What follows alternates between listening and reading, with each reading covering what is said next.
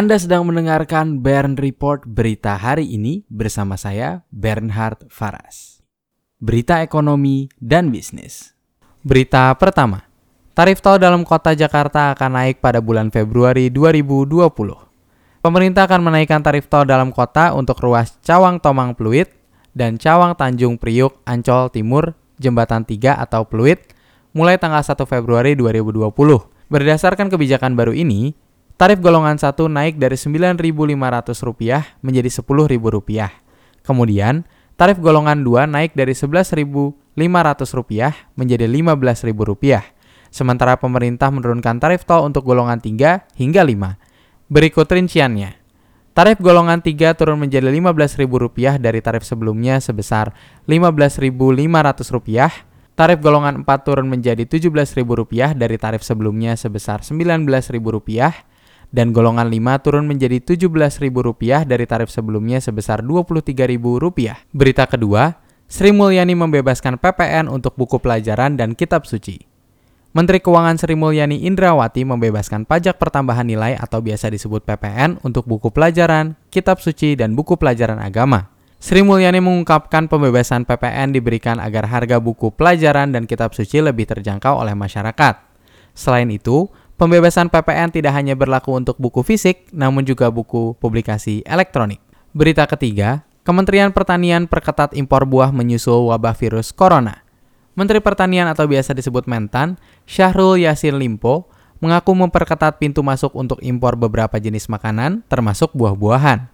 Upaya pengetatan dilakukan melalui penerapan biosecurity terhadap komoditas impor untuk mencegah penyebaran virus corona. Mentan memastikan belum ada data yang menunjukkan kontaminasi virus corona terhadap komoditas impor yang masuk ke Indonesia. Namun, ia juga menghimbau masyarakat agar tidak bereaksi berlebihan sebab pihaknya telah mengurangi laju impor. Berita keempat, Bulgaria akan menggunakan mata uang euro pada tahun 2023. Negara Bulgaria berencana mengadopsi mata uang euro pada tahun 2023. Bulgaria telah bergabung dengan Uni Eropa sejak 2007 dan mereka berharap dapat bergabung dalam mekanisme nilai tukar Eropa atau ERM2 pada bulan April 2020. Bulgaria disebut sudah memenuhi kriteria untuk mengadopsi mata uang tunggal euro karena keuangan publik yang sehat dan utang yang rendah. Namun Bulgaria masih dalam daftar salah satu negara Uni Eropa yang paling miskin dan paling korup. Ketua International Monetary Fund, Kristalina Georgieva, berharap rencana tersebut dapat terwujud.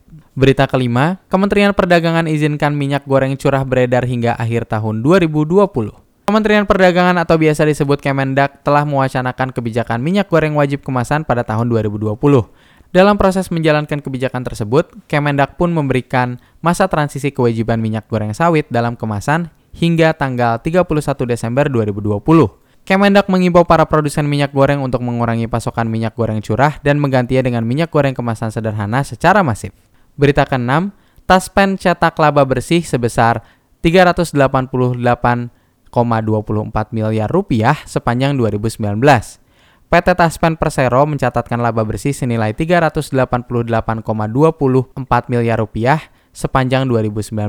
Jumlah itu melonjak dibandingkan laba pada tahun 2018 yaitu 271,55 miliar rupiah. Direktur Utama Taspen, Antonius N.S. Kosasi, menjelaskan kenaikan laba tersebut dikontribusikan oleh kenaikan pendapatan premi yang diperoleh oleh perseroan dan investasi. Selain itu, Kosasi mengatakan kenaikan laba perseroan yang hampir 43% menunjukkan efisiensi biaya yang baik. Terima kasih sudah mendengarkan Bern Report berita hari ini. Jangan lupa untuk membagikan kanal ini kepada kerabat Anda, tekan tombol like dan subscribe untuk mendapatkan kabar terkini setiap pagi dari hari Senin hingga hari Jumat pada pukul 6.30 waktu Indonesia Barat. Saya Bernhard Faras pamit undur diri, semangat selalu dalam menjalani hari ini.